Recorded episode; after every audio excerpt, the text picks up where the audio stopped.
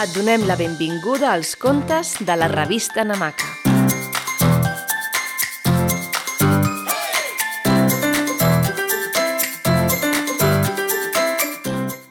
Avui t'explicarem el conte La dietarista.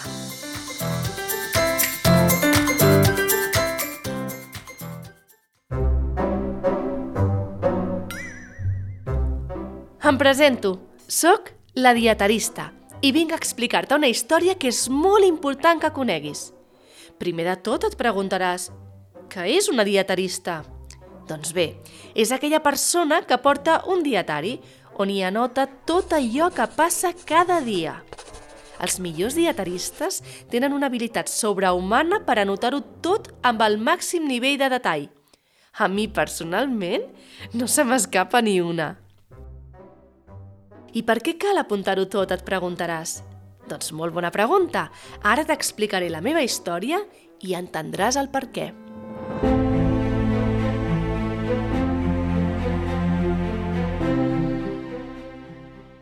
Vilaú ha tingut històricament una relació una mica especial amb Viladós.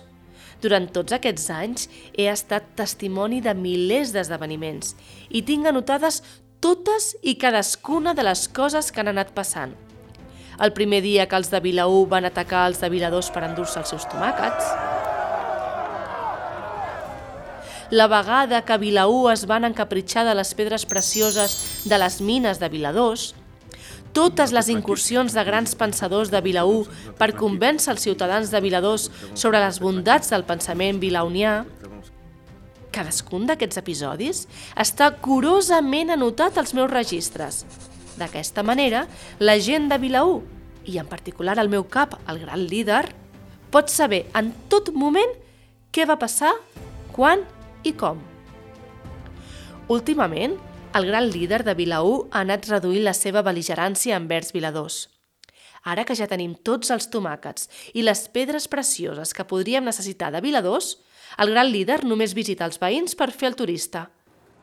Anàvem tan tranquils, el gran líder i jo, passejant per Viladós en el nostre darrer viatge, quan de sobte em va dir T'has fixat que aquests de Viladós ens miren molt malament? I tant que m'hi havia fixat. Gran líder, tinc anotades 1.789.282 coses aquí al meu dietari que potser no els han fet gaire gràcia.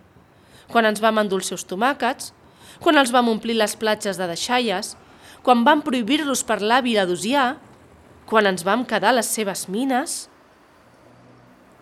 O Ostres, tot això els hem fet? I tant!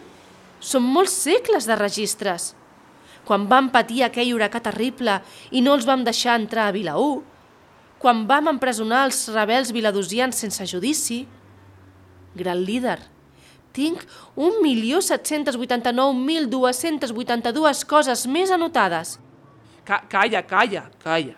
Ja n'he sentit prou. I com és que no m'has cridat mai l'atenció, tu que ho has vist tot? Vist així, això que hem fet és terrible. Amb raó ens miren malament. Oh, gran líder, jo només sóc la dietarista oficial de Vilaú. Jo sóc equidistant i no opino. Doncs ara opinaràs.